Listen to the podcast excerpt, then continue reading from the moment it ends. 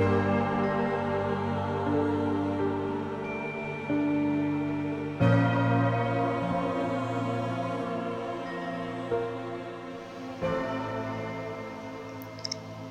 ini aku bakal cerita kisah nyata yang pernah aku alamin dan ini bener-bener membekas banget di memori aku.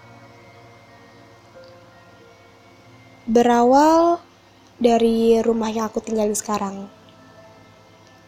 Sebenarnya aku nggak pernah pindah-pindah rumah. Jadi rumah ini tuh memang sejak aku dari lahir aku tinggal di sini.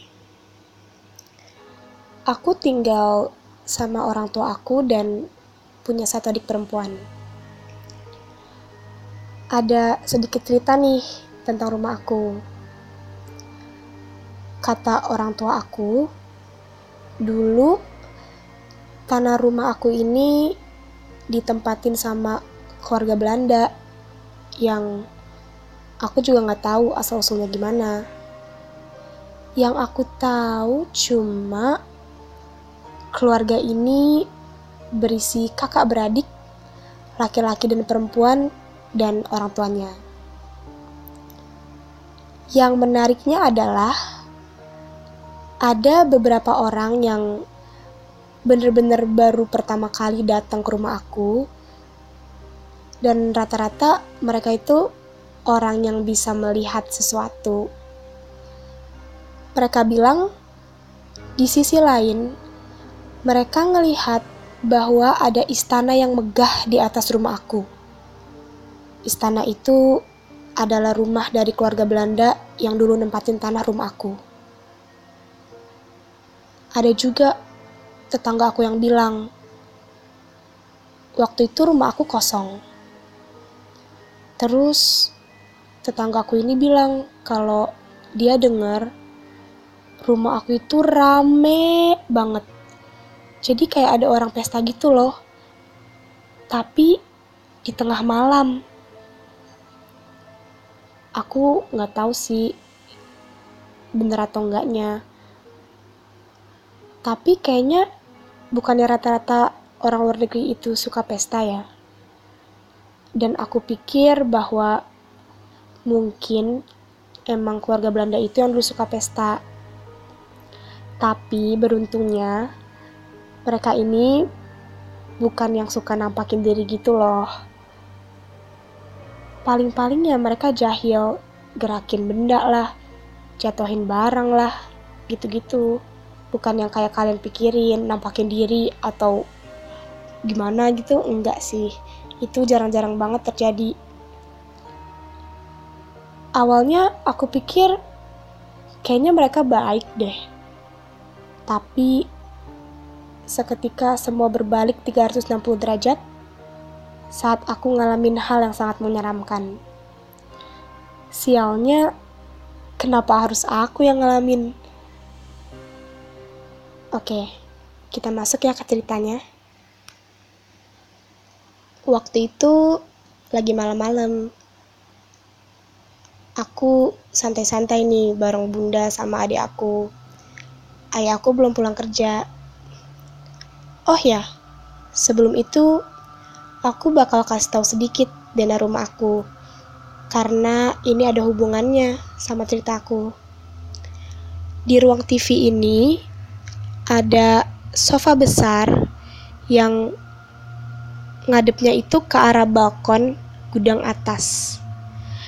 Nah, dari balkon atas ini kita bisa ngeliat ke bawah. Jadi kayak ada pembatas gitu, pagar setengah badan. Jadi misalnya kamu duduk di sofa dan kalau ngeliat ke atas itu bakalan langsung kelihatan banget pagar setengah badan yang ada di balkon. Dan kalau kamu ada di balkon, kamu bisa ngelihat lantai bawah itu di ruang TV. Oke, kembali ke ceritaku ya.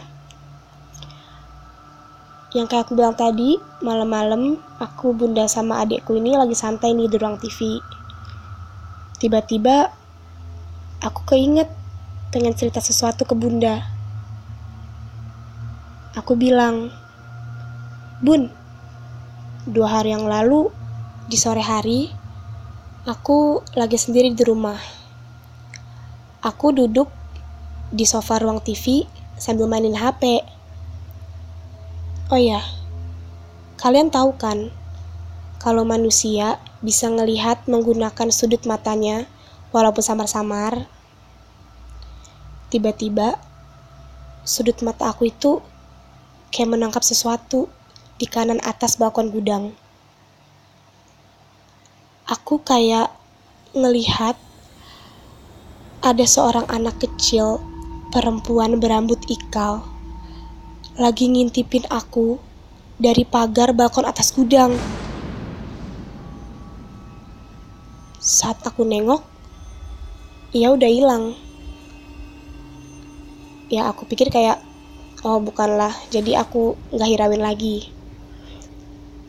Tapi tiba-tiba, nggak tahu kenapa, kepala aku kayak terangkat dan aku rasanya bener-bener pengen banget teriak.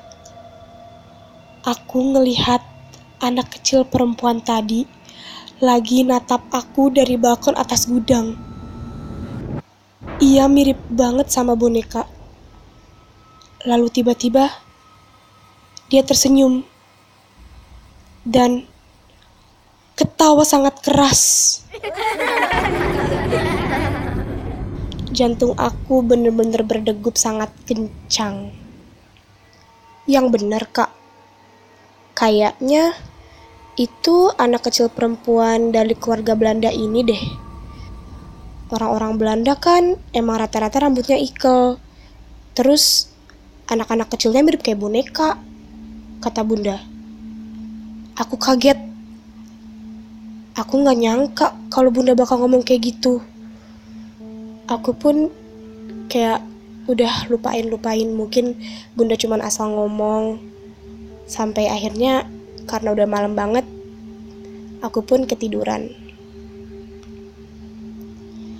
Nah, keesokan harinya, Bunda bilang kalau aku pulang nanti rumah bakal kosong karena adikku ada les dan harus Bunda yang nganter. Aku juga kayak oh ya udah ya karena aku udah biasa sepulang sekolah tuh ditinggalin dan rumah kosong. Saat pulang sekolah, rumah aku sangat sepi Bunda nggak nyalain lampu apa ya gelap banget tau gak sih? Aku juga langsung mandi dan mikir buat santai sebentar. Aku langsung ke ruang TV. Aku duduk di sofa sambil main HP aku. Terus tiba-tiba aku kayak spontan ngomong, "Eh, udah jam 5 ya? Udah mau gelap." Lalu tiba-tiba aku merasa familiar dengan situasi ini. Nafas aku cepet banget. Tubuh aku gemeteran. Aku terus-menerus mengucapkan doa. Baca ayat kursi. Semua surat-surat yang aku hafal. Dan hal terakhir yang aku ingat Suara tawa dari anak kecil berambut ikal itu.